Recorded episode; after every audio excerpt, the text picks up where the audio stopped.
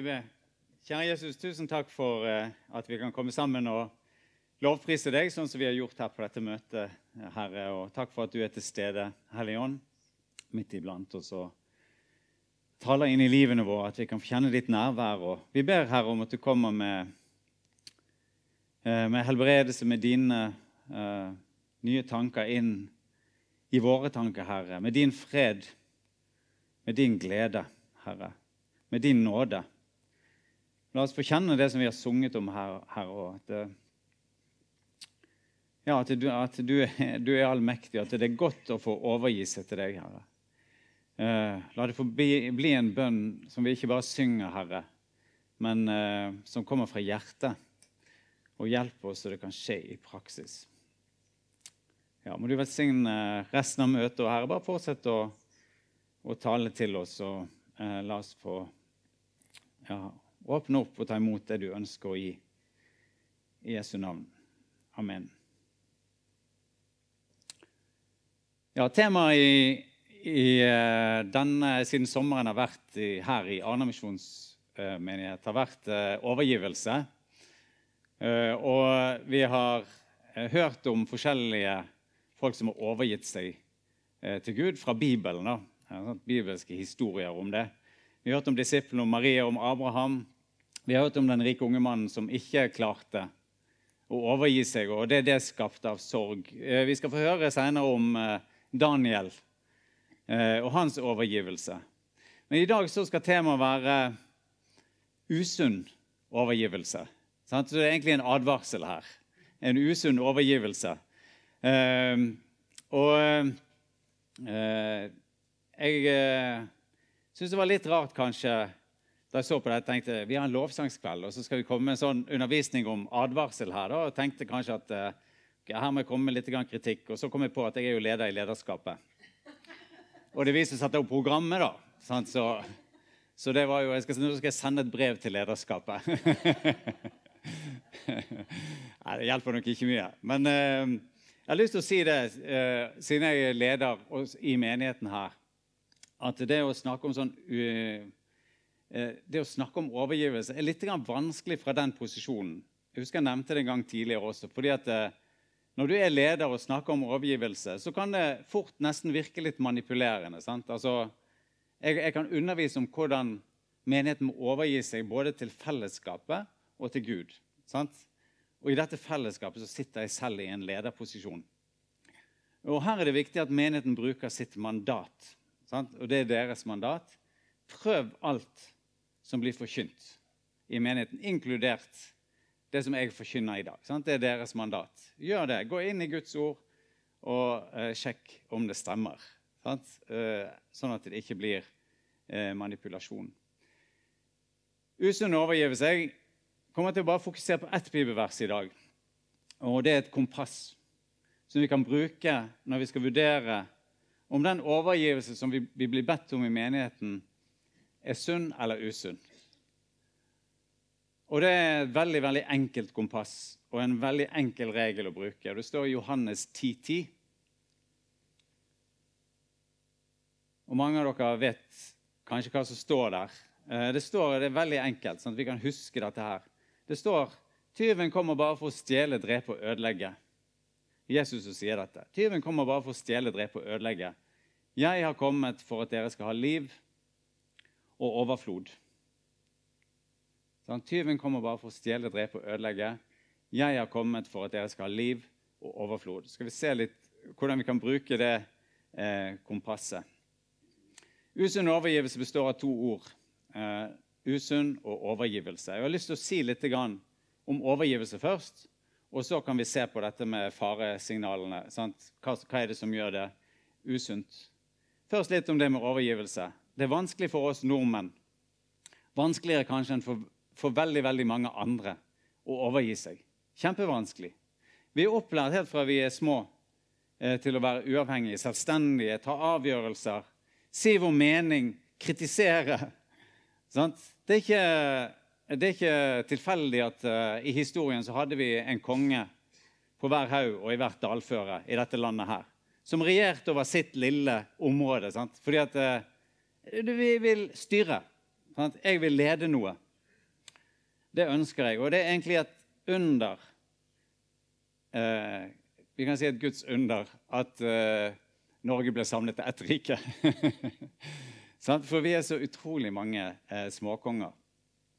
Og her eh, Altså, jeg er jo en, jobber i Tent, der vi trener folk til å være med i internasjonale team. Og der er det sånn at eh, når, vi, når vi underviser nordmenn så må vi alltid si at når du kommer på et internasjonalt team, så må du bare forvente at der utøves det mer lederskap. Og du blir styrt mer enn det du opplever i Norge. Det er mer hierarki. Du kan oppleve at på et team så sier du meningen din, og så kommer bare teamlederen neste dag og sier jeg har tatt en beslutning, vi skal gjøre det sånn. Og det kan være stikk i strid med det du sa, og ditt innspill. Og da reagerer vi nå, men vi reagerer ofte negativt på det. sant? Hørte ikke du på meg? sant? Jeg har jo den beste planen. Det er jo vårt uh, utgangspunkt. sånn, Hørte ikke du på meg? Og så blir vi kanskje kritiske og sure og så sier nei, jeg gidder ikke være med på dette. Men overgivelse kommer inn her. Sant? At vi må gi oss over til noe. Og det er noen som faktisk tar beslutninger. da. Sant? Og overgivelse kan jeg si, det trenger du ikke. Verken disiplin Disiplin eller overgivelse trenger ikke de to tingene hvis du bare blir bedt om å gjøre det du har lyst til å gjøre. Sant? Hvis du er enig i alt det som skjer. Da trenger ikke du det, for da er du enig. Sant? Så da er det din vei er den samme som fellesskapets vei. Men det er nettopp i de situasjonene der du er uenig, det er da en trenger overgivelse. Fordi da blir du, du må faktisk gå en vei som du er uenig i å gå, men du går den likevel i en overgivelse til den sammenheng som du er med i. Disiplin og overgivelse trengs, trengs i den type situasjoner. Gud ønsker overgivelse. Fra Gamle testamentet, Vi har hørt noe forkynt allerede. Abraham. sant? Dra bort fra ditt land og ditt folk, fikk han beskjed om. Og så står det i Bibelen. Så dro han uten å vite hvor han skulle. Sant? Han bare dro. En overgivelse til Gud. Moses som sa når Gud kalte ham, sa eh, send en annen. Til, ja, det er kjempefint at du vil frelse israelsfolket, men send en annen. Og så gir han likevel etter for Guds vilje. Ester har vi hørt om, som satte sitt liv på spill som dronning. Gikk inn til kongen, selv om hun visste at hvis ikke han rekker ut det gullsepteret mot meg, nå kommer jeg uten å være invitert, så dør jeg. Men jeg må likevel ta sjansen på å gjøre det. Ofrer hun sitt eget liv for å berge sitt eget folk. Profetene, sant, som også ga sitt eget liv, eller sto opp og forkynte det som folket ikke ønsket å høre ofte, sant, og ble forfulgt for det. Og hvis du leser sant, Det gamle testamentet, så ser du hvordan de led i den rollen. Fra Nytestamentet Jesus sant, som utfordres på dette å ikke være overgitt til Guds vilje av djevelen i ørkenen. Hei, du kan søke ditt eget. Du kan søke eiendom, du kan søke makt, du kan søke ære. Så bare ta imot. Jeg kan gi deg alt dette her. så ser vi han i kampen liksom, for å gi sitt eget liv. Så sier han, 'Far, la din vilje skje, og ikke min.' Den fullstendige overgivelse. Så, 'Far, din vilje, ikke min.' Overgivelsen til Gud. Maria har vi hørt om her, sant? som får et kall til å bære fram Jesus og vet hva det kan innebære av rykter og alle mulige andre ting fordi hun er gravid utenom ekteskapet. Disiplene som overgir seg. Sant? Jesus sa, 'Kom, følg meg.' Og så forlot de alt de eide, og fulgte han. Ikke fantastisk? Sant? Det er en lang historie av vitner i Bibelen og folk som bare overgir seg betingelsesløst til Jesus. Apostlene og de første kristne alle de troende holdt sammen, står det i Bibelen, og hadde alt felles.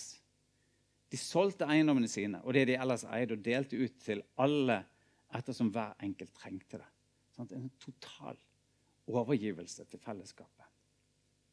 Når Gud ønsker at vi overgir oss til Han og til fellesskapet av de troende Gud ønsker overgivelse, men Gud ønsker også en sunn overgivelse. Sånn, ikke en usunn overgivelse. Han ønsker en sunn overgivelse. Her er det vi må gå inn, og det skal vi gjøre i dag. gå inn og skjelne. Her skal vi gå inn og skjelne. Hva er tegn på en usunn overgivelse? Jeg kan si dere at uh, Vi kristne jeg, kom jo skade for en gang for lenge siden i Aserbajdsjan. Jeg sikkert fortalt før, sant? Så sa jeg bare på tull. Og Du må alltid være forsiktig med humor i andre kulturer. Alltid forsiktig. De eneste vitsene du kan bruke, er svigermorvitser. De virker overalt. Så, men ellers vær forsiktig med all annen humor. Så, men uh, så sa jeg liksom, sa utover forsamlingen så sa jeg, ja, sant? vi kristne vi, vi vet jo alle sammen at vi er bedre enn andre mennesker. Sant? Og det var jo ment at folk skulle le av det. da. Sant? Håper dere ler av det. Sånn det var ikke så veldig morsomt. Men eh, så ser jeg folk sitter og nikker. Ja, stemmer det. sant? Vi er jo bedre enn andre mennesker. Det er ikke sant. Kristne er som andre mennesker. Sant? Vi er akkurat som andre mennesker. Vi lar oss påvirke av ting utenfra. Eh, vi lar oss styre av uriktige motiver. Vi søker på samme måte som eh, de fleste andre. Status, penger, sex og makt. Det ligger i oss. Vi er der. Der er vi. Og dette influerer på eh, lederskapet vårt. Vi søker og vi handler ut fra feil motiver. Et bibelsk eksempel på dette er kong Saul. Den første kongen i Israel. Han ble utvalgt av Gud, bare plukket ut fra ingenting. egentlig. Han tilhørte den minste stammen, en stamme som var blitt et skjellsord i Israel. Benjamins stamme. De utførte en grusom handling. Eh, og Derfor ble de nesten utryddet. Og den lille stammen, fra den byen der handlingen ble utført, så henter Gud den første kongen. Så han bare løfter han opp og sier du skal være konge eh, for mitt folk. Og så gjør han opprør mot Gud, og så forlater Guds ånd han. Han blir fylt av en annen ånd og kongedømmet overføres til neste konge, som er David. Sant? David blir lovt at kongedømmet skal gå over til han. Og Etter dette så ser vi veldig mye rar oppførsel fra kong Saul. Veldig mye rar oppførsel. Han, er, han, er, eh, han, konsulterer de døde, uh, noe som var forbudt uh, ut fra Guds lov. Han er klar til å ofre sønnen sin, Jonathan, i en sånn merkelig situasjon. Han vil drepe David igjen og igjen og igjen. Og på et tidspunkt så dreper han alle prestene alle prestene som tilhører liksom en sånn presteklan. De bare dreper han ned. På hans ordre da blir de drept. Sant? Saul handler i feil ånd. Og det samme kan faktisk skje i menigheten. Ikke så brutalt som kong Saul, men det samme kan skje i menigheten. I menigheten så står vi overfor sånne åndelige slag. Sant? Og Gud ønsker at denne menigheten, som alle menigheter, han ønsker at denne menigheten skal være her sant? som en sånn eh, ambassade. Sant? En sånn stasjon for han i dette samfunnet. Sant? Han ønsker at vi skal være bærere av hans rike. Eh, og så vet vi likevel at det, eller vi vet at det står et åndelig slag rundt den posisjonen, og at vi må være på vakt at djevelen kan få innpass også hos oss, hver enkelt, og også hos lederne i vår forsamling. Og Derfor må vi være på vakt. Og Da er det viktig å ha gode kompass, gode verktøy. Og der kommer verktøy inn. Johannes 10,10. 10. Hva sier det?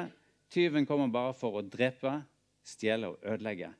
Jeg har kommet, sier Jesus, jeg har kommet for at du skal ha liv og overflod.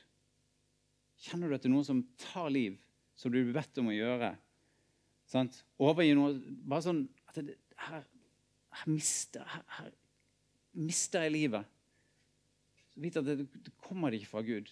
Kjenner du at det gir liv og overflod, så eh, er det fra vår Herre. Og Nå skal vi gå inn på sånne ting som vi må være på vakt mot. Og Dette blir eh, litt undervisende stil eh, på en kveldsmøte. sant?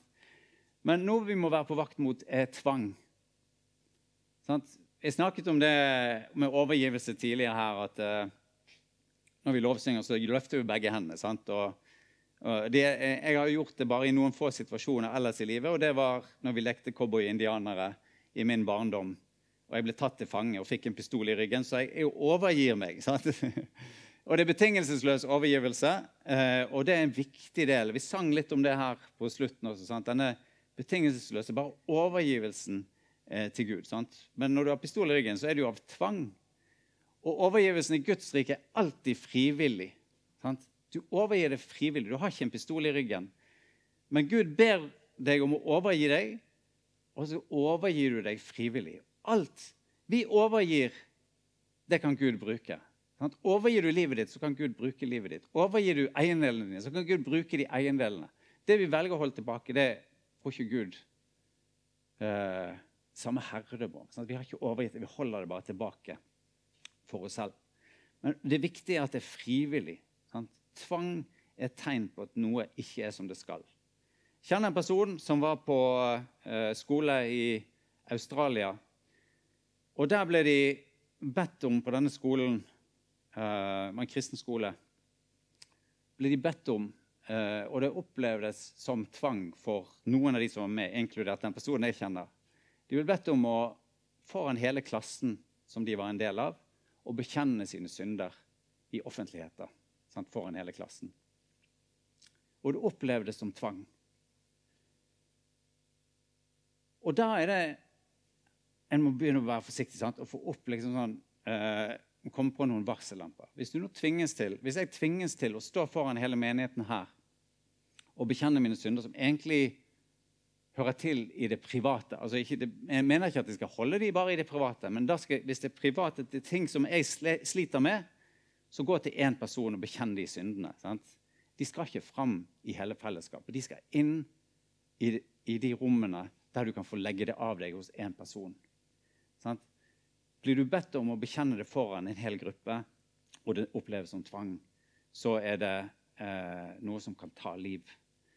Og én ting må vi være klar over. Hvis du har veldig veldig detaljert eh, informasjon om folks synderegister, altså alt det gale de gjør, så er det veldig veldig lett å manipulere. Du vet for mye rett og slett, om den personen. Jeg har fått bekjenne mine synder. Jeg er veldig glad for at jeg har fått gjøre det til folk som vet hvordan de skal behandle den type informasjon. De behandler det helt, de, med taushetsplikt. Og det samme gjelder oss. Når noen kommer til oss og bekjenner våre synder, så er det taushetsplikt. Det skal ikke fram i fellesskapet. Jeg skal heller ikke stå her etterpå og si det var en i menigheten som fortalte meg at uh, hun strevde med sånn og sånn. Nei, det hører ikke hjemme her. Fra talerstolen heller, i anonymisert form. Det er mange mennesker i menigheten som ønsker å utøve makt. Jeg jobber jo, eller Tent har en avdeling i Nigeria. Eh, han som er leder der, han satt i mange av menighetene våre i Nigeria så kommer folk inn fra en sånn svart magibakgrunn. alt handler egentlig om å kontrollere folk. Det er det det handler om. Vi kontrollerer folk, og kristne viser seg å være lett, lette offer. Nettopp fordi vi har dette her med overgivelse i utgangspunktet. sant? Overgivelse til Gud. Og så kan det også tolkes som overgivelse til et lederskap i menigheten. Og så blir det et lett offer for folk som vil bare inn og utøve kontroll. Vær på vakt. sant? La oss være på vakt, som, eh, eh som Guds ord også ber oss om. Tvang til underordning eller overgivelse blir aldri riktig. Der Guds ånd er, der er det frihet. 2. Korinterbrev 3,17 sier Herren, det er ånden. Og hvor Herrens ånd er, der er frihet. Galaterne 5,1. Til frihet har Kristus frigjort oss. Stå derfor fast, og la dere ikke tvinge inn under slaveåket igjen. Sant? Frihet. Kjempeviktig. Vi gir oss over i frihet. En annen ting kan være sånne krav som du må leve opp til. Sant? Og det en kan møte i menigheten, er at en menighet så kan vi være mer opptatt av sånne ytre, ytre oppførsel enn av det indre. Sant? Jeg ønsker at du skal Du må tilpasse deg. Sant? Så, så, så på han der eh, vi, vi, følger litt med på Farmen nå, da, fordi eh, det er en prest som er med der. Jeg vet ikke om dere ser på det, en prest som er der, som heter Thor. Og så er, eh, er det også en fra Osterøy. Det er jo veldig nærmt oss. da. Og han banner jo i hver eneste setning. da. Sant? Og så vi satt og snakket om det fordi han, han, han, han, fikk jo en tidlig episode her, så ba han faktisk om å få velsignelsen. Men da han ba om å få velsignelsen, så gjorde han det med også et banneord i spørsmålet. da. Sånn? Eh, bare bannet og sa jeg få denne velsignelsen. Og så, så, begynner han å gråte. Han blir faktisk berørt i det velsignelsesøyeblikket. Så satt vi og snakket om dette, og sa jeg vet du, jeg savner egentlig å høre banning i kirken. Sånn ikke fordi vi skal begynne å banne, det er ikke det jeg mener. Men det er nettopp fordi at eh, når du, når, du vet, når du, vet, at folk banner i kirken, så vet du at ok, disse her de, de, de er på vei. Altså, de har ennå ikke tilpasset seg den her, uh, kulturen som vi har, der vi alltid snakker fint og vi vet hva vi skal si og vi bruker de riktige ordene. Sant? Men de kommer inn og så bare vanner de i vei og ber om å få velsignelse på den måten. Og, det er ikke det utrolig fint? Sant? Og der er det, der er det Jesus. Altså, vi, vi, av og til som mennesker og som ledere så kan vi være opptatt av nei, sant? folk må oppføre seg riktig. Eh, og det er veldig lett å tilpasse seg i det ytre, men det er vanskeligere å nå inn til hjertet. Uh, Jesus vil alltid berøre hjertet vårt. Han er ikke så opptatt av det ytre. Hvis vi bare er opptatt av det ytre, så er vi som fariseerne. De skulle leve helt riktig i det ytre, men hjertet var ikke med. Sant? Men hvis Jesus når inn til hjertet, så kommer også det der andre eh, etterpå. Krav du må leve opp til. Hvis det kommer som sånne krav, så vær på vakt. Aktivitet som styrer i stedet for at vi lar oss styre av Gud, sant? også et sånt faresignal. Tredje ting manipulasjon. Er det noen som har blitt manipulert eller manipulerer andre her? Vi vet vel ikke alltid om det, kanskje. Hva er manipulasjon for noe? Jo, det, det er bl.a. å bli lurt til å gjøre ting du ikke ønsker. Sant? Og som kanskje også du kjenner at du ikke kan stå inne for. Les det som en del av forberedelsen her. Syv måter folk kan manipulere deg på uten at du skjønner det. Og det er veldig farlig inn i en menighetssetting. Sant? Og vi alle, Jeg tror nok at vi uten å vite det også kan snakke og være manipulerende. Jeg kan nevne noen av disse tingene. Sant? Men manipulasjon skaper frykt. Det skaper en sånn usunn forpliktelse at dette må jeg gjøre. Fordi det, det fins absolutt ingen andre som kan gjøre det. Det skaper skyldfølelse. Veldig negative øh, av Frykt, forpliktelse, skyldfølelse. Kjente taktikker i manipulasjon er å urettmessig gi folk skylden for noe. Vet ikke om det er noe som er i menigheten her. Det får vi vurdere. Men eh, det kan være å skape usikkerhet. At du hele tiden kommuniserer sånn at personene rundt deg blir usikre. Hva er min rolle, hva er forventet, hva skal jeg gjøre? og sånn og sånn. Det kan være å ta på seg en offerrolle som gjør at andre får medlidenhet.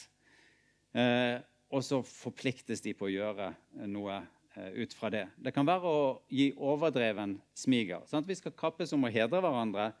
Og jeg har lyst til å si positive ting til folk i, i menigheten, men det kan også bli manipulerende eh, hvis en bruker det uriktig. Sant? Så bare overøser du folk med gode ord fordi at du vil oppnå noe i neste omgang. Sant? Og da er vi eh, på fare på ferde. Skjulte trusler. Og så var det å spille dum. Sant? At du sier ja, du Eh, sant? Nei, jeg klarer ikke det. Kan du gjøre det? Sant? Og så delegerer du oppgaver gjennom å spille dum. da. Sant? Jeg vet ikke om noen av dere har brukt det der. nei, du er så mye flinkere enn det, så du, du må gjøre det. Sant? Og så sitter du der og eh, føler at du må. Eh, det kan også være manipulerende ut fra en sånn påtatt åndelighet. At en manipulerer folk åndelig. Veldig, veldig fort gjort. Sant? At du forventer og du bruker tro og mangel på tro manipulerende. Et eksempel er fra Libya, der vi fulgte opp en, eh, en eh, ung kvinne som var ute og underviste på et universitet der. Og så, Dette var under krigen, og hun jobbet i Benghazi. og Benghazi skulle, altså eh, Gaddafis tropper på vei mot Benghazi. Du forventet et blodbad. Det var eh, konkrete trusler mot det internasjonale miljøet i byen fra islamister. Og så ringer dette var en norsk kvinne, ringer den norske ambassaden til henne og sier du må komme deg ut fra den byen så snart som mulig. Kom deg ut. Sant? og så er de flere kristne der, og så snakker de sammen om hva de skal gjøre. For alle har blitt ringt opp av sine ambassader. Og da er det selvfølgelig noen i den gruppen som sier at hvis vi, virkelig, hvis vi virkelig tror på Gud som den allmektige Gud, så blir vi her. Da blir vi her. Gud kan berge oss fra denne situasjonen. Hvis vi drar nå, så har vi ikke sterk nok tro. Hører dere manipulasjonen? Eller er det sant eller usant, det som blir sagt? Sånn det kan være sant, og det kan være usant. Eh, vi ser at Bibelen gir rom for begge deler. Sant? Paulus også flyktet fra Damaskus. Eh, men han dro til Jerusalem selv om han visste at han skulle bli fengslet. Sant? Sånn at det, det, kan være sant og det kan være usant. Men i bunn og grunn vil jeg si at det er en åndelig, eh, åndelig manipulerende budskap å komme med. Hvis du virkelig har sterk tro, så blir du her ja, det må den enkelte avklare med Gud og Den hellige ånd sant, direkte. Hun dro. Opplevde det som et nederlag. Noen ble. Etter en måned så hadde alle dratt. Sant? Så troen sviktet kanskje for alle etter hvert. Vet jeg. Men vi må være forsiktige med det der. Sant? Være veldig veldig forsiktig med å legge sånne byrder på folk. Hvis du er redd i denne situasjonen, så betyr det bare at du ikke har nok tro. Veldig, veldig, veldig farlig budskap å komme med. Veldig farlig.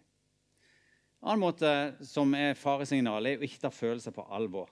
Sant? Eh, Birgit og jeg vi hadde nær kontakt med en annen menighet her i byen. Der vi hadde felles opplevelse av at da vi kom i den menigheten, så ble vi alltid spurt på hvordan vi hadde det, men det var bare ett svar som var akseptert. Vi skulle smile og si at vi hadde det bra, og alle skulle være glad hele tiden. Altså det var liksom ikke, Tårene var ikke akseptert. Veldig, veldig farlig. Veldig, veldig farlig å være og overgi seg til den type sammenheng. Gud har skapt oss med hele følelsesregisteret. Sant? Hele følelsesregisteret. Vi er mennesker, så eh, alt, samvittigheten vår og følelsene våre fungerer ikke alltid som de skal. Det gjør de ikke. Eh, det må vi være klar over. Sant? De kan være feilaktige. Da. Men vi må likevel tror jeg, våge å stole på følelsene våre inn i en sammenheng som vi er med i. Sant? Og Gud har skapt også disse negative følelsene som sinne, tristhet og frykt. Han har skapt dem.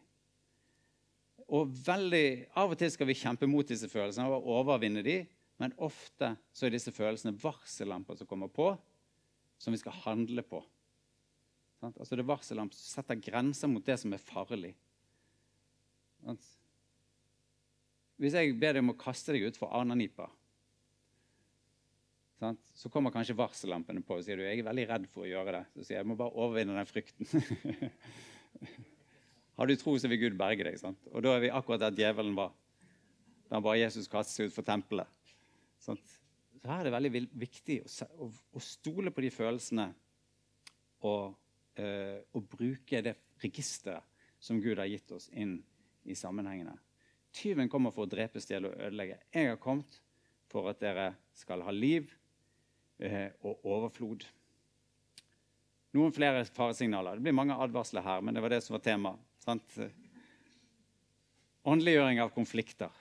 Sant? Åndeliggjøring av konflikter. Mange konflikter har en åndelig årsak, og jeg tror nesten i alle konflikter så spiller det åndelig inn i konflikten. Men, eh, og vi opplevde det selv. Vi sto i store utfordringer ute i Aserbajdsjan. Så var sånn pionerarbeid. og vi var ikke, Jeg opplever i hvert fall jeg var ikke forberedt. og du får snakke for deg, Birgit, Men jeg opplever at jeg var ikke forberedt eh, på det trykket som fulgte med å stå i en sånn eh, utpost der vi skulle plante eller starte en menighet. Sant? Og så opplevde vi disse her personmotsetningene. Sant? Eh, at, sant? Gnisninger og sånn i relasjoner som ville vært helt greit i en annen setting. Men her var det liksom sånn at de bare ble forstørret. og helt uh, utålelige. da. Og det tror jeg hadde, jeg tror personkonflikten i utgangspunktet hadde personlige årsaker og så tror jeg at forstørrelsen av de hadde helt åndelige årsaker, som skulle bryte ned eh, fellesskapet. Sånn, men av og til, hvis vi åndeliggjør alle konflikter, så mister vi muligheten til å snakke om det som er de virkelige problemene. Her kjenner vi en person som var eh, i en sammenheng der eh, var med på en mindre gruppe. Og alltid når hun kjente på noe, det var sånn team, så kjente hun på noe, det var tre teamledere, og de var en gruppe på kanskje 15 så ville hun ta opp noe med den ene teamlederen. Sant? Kanskje noe som hun reagerte på, eller noe som hun ønsket å ta opp på tomannshånd. Og Da var det alltid ta opp i en personlig samtale med den. Men så opplevde hun igjen og igjen at de to andre lederne kom også til å med, for å snakke med henne om det samme problemet. Sant? Så du, fikk, du visste at hver gang du tar opp noe, så får du et press tilbake fra tre personer. Og da, da, blir det, da blir det vanskelig over tid. Og problemene vokste. Og denne personen bestemte seg til slutt for å forlate dette teamet. Og der eh, skjedde igjen det samme. Sant? At du sier jeg, jeg kan ikke være med på dette fordi at jeg reagerer på disse tingene her som vi gjør, som vi opplever er helt galt. Og svaret blir på en måte Vi tror ikke Gud sendte deg til dette teamet for at du skulle forlate oss halvveis. Det er et åndelig svar på et det er et åndelig svar som ikke engang toucher borti det som er det reelle problemet. Sant? Du bare går forbi problemet, så sier du dette har en åndelig årsak, istedenfor å diskutere det det gjelder. Sant? Det gjelder ikke om jeg forlater teamet eller ikke. Det, det, saken gjelder her disse tingene som jeg syns er utrolig vanskelig at vi holder på med, og som jeg ikke kan være med på. Sant? Og da er det en må våge å snakke om de reelle problemene, og ikke bare åndeliggjøre det. Da blir det usunt. Det kan være også menigheten eller den sammenhengen du er med. De kaller det et liv uten grenser. Det er ikke det Gud har kalt oss til. Sant? Det kan være økonomisk. Bare eh, kvitt deg med alt. Altså det, noe, det, kan være bibelske grunner til å gjøre det. Sant? Eh, som for den eh, rike unge mann som blir bedt Jesus, av Jesus om å gjøre det. Sant? Og Gud vil sørge for oss. og Vi har fått oppleve det veldig, veldig konkret. Men hvis det kommer som et krav fra en ledelse i menigheten, så eh, vær på vakt. Sant? Det kan være også personlig at du skal leve nesten grenseløst. Du kan, du kan gjøre mer. Du kan gjøre mer fordi at eh, Gud vil sørge for at du har de kreftene som trengs. Som din dag er, skal din styrke være. Jeg kan bruke det bibelordet. Sant? Som din dag er, skal din styrke være. Så du kan ta på deg en oppgave til. Liv Svanhild. Ja? Ja, ja, ja. det kan du. Som din dag er, skal din styrke være. Gud vil sørge for det. Sant? Og her er det veldig, veldig viktig å se også at Bibelen kaller oss, og Gud kaller oss til å være kloke forvaltere både av vårt liv, og det innebærer av og til grensesetting. Og det gjelder også økonomi, at det innebærer grensesetting. At her må vi ikke la oss presse forbi disse grensene. da. Sånn overgivelse, men også grensesetting. Et siste punkt. Det handler om også som kan bli eh, vanskelig inn i en sammenheng. Det er å dømme andres åndelige reise. Sånn, å dømme andres åndelige reise. Så ser du utover forsamlingen så tenker du, ok, det er mange her som ikke har kommet like langt som meg. Sant? De har ikke forstått de og de tingene. Og så kan du begynne å kommunisere eh, nedlatende eh, som leder. Eller du kan si at eh, disse personene her de har et åndelig uttrykk som, eh, som, er fremmed for meg. da. Og så begynner jeg bare å dømme det. Si at nei, det der, det der opplever ikke jeg som ekte. Sant? Fordi at den ekte åndelighet, det er den jeg kjenner så dømmer du de andres åndelige reise. Og Her er det veldig veldig viktig at vi våger å se ulikheten i de åndelige uttrykk. Sant? Ulikheten i hverandre.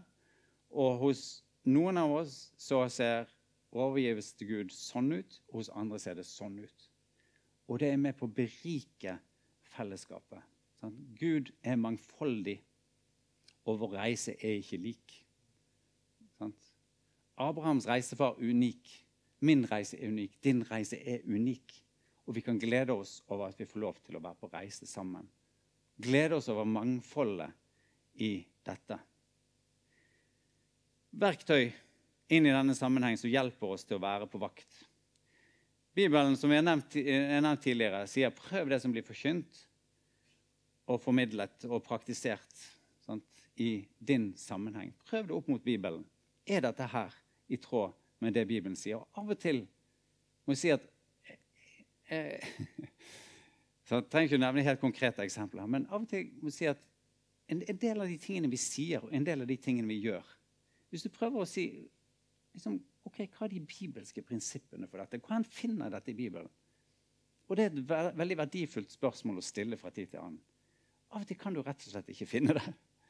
Altså, det er bare noe i vår kristne kultur som har vokst fram, og som like gjerne kan lede vekk fra Gud som til Gud. Men det er bare sånn vi har lært oss at vi lever som kristne. Prøv det som blir forkynt, formidlet og praktisert. Prøv det opp mot Bibelen. Så jeg har lyst til, og også, Det er to ting for oss som menighet som jeg tror er veldig veldig viktig.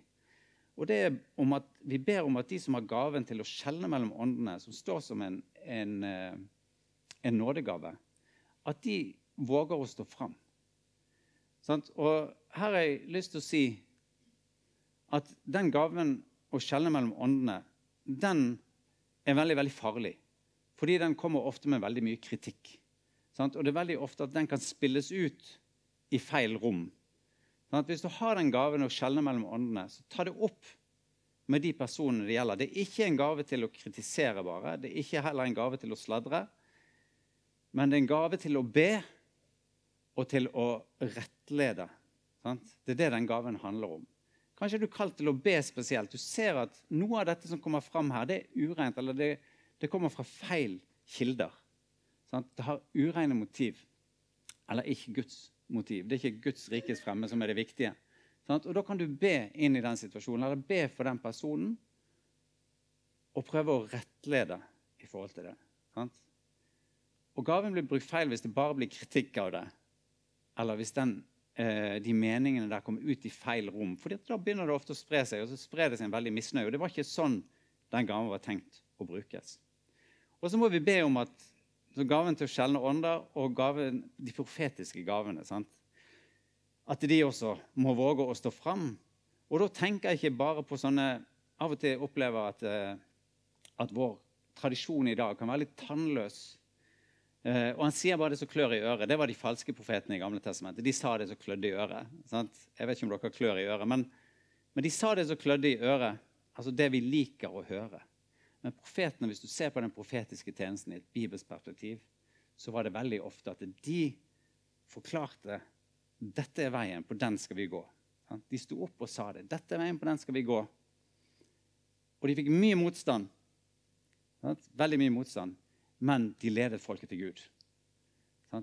Og denne gaven må vi eh, be fram, eh, tror jeg, og våge å stå fram. Og så må vi andre som får høre disse budskapene, også våge å ta dem imot og la oss rettlede. Sant? Og der, eh, Birgit kan, kan, jo skrive under på det at eh, det, det, kan være vanskelig for oss alle. Nå tenkte jeg på meg, da.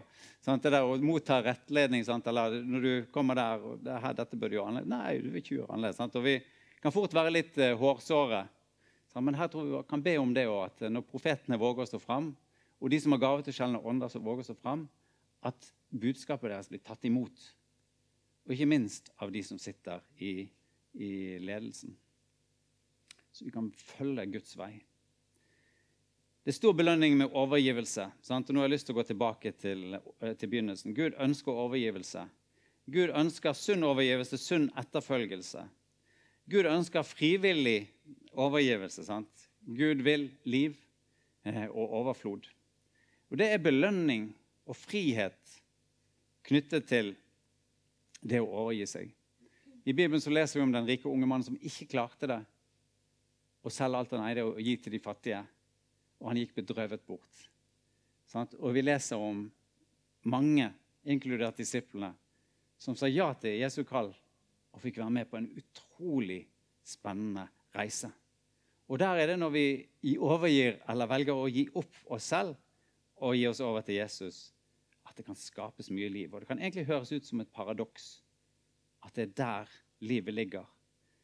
Men Bibelen sier det da Jesus, eh, Matteus 16,24 sier Jesus til disiplene sine om noen vil komme etter meg, da må han fornekte seg selv, ta sitt kors opp og følge meg. For den som vil berge sitt liv, skal miste det, men den som mister sitt liv for min skyld, skal finne det. Han vil liv og overflod. Og i denne overgivelsen skapes det nytt liv.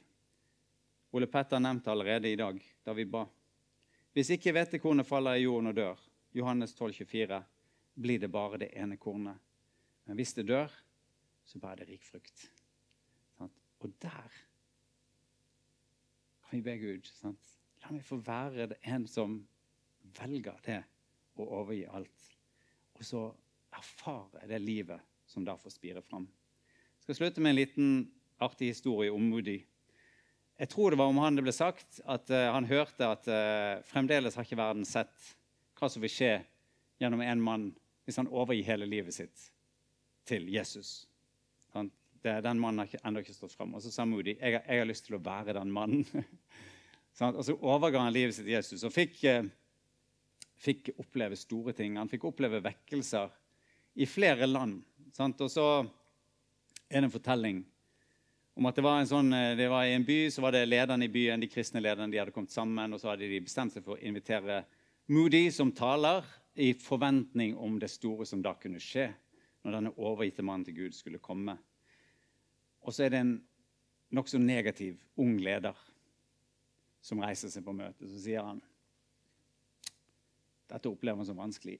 Og så sier han er det virkelig bare Moody som har Den hellige ånd. Sant? Kan ikke Gud bruke oss? Så går det en liten stund, og så reiser en eldre pastor seg. Så sier han det er ikke riktig at det bare er Moody som har Den hellige ånd. Men akkurat nå er nok sannheten heller at Den hellige ånd bare har Moody. Det er bare han han kan bruke fullt og helt. Og La oss leve i den overgivelsen.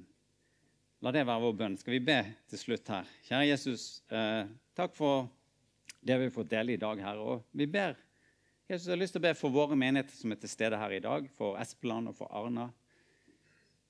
Misjonsmenigheter, Herre, la oss få være sunne fellesskap, Jesus.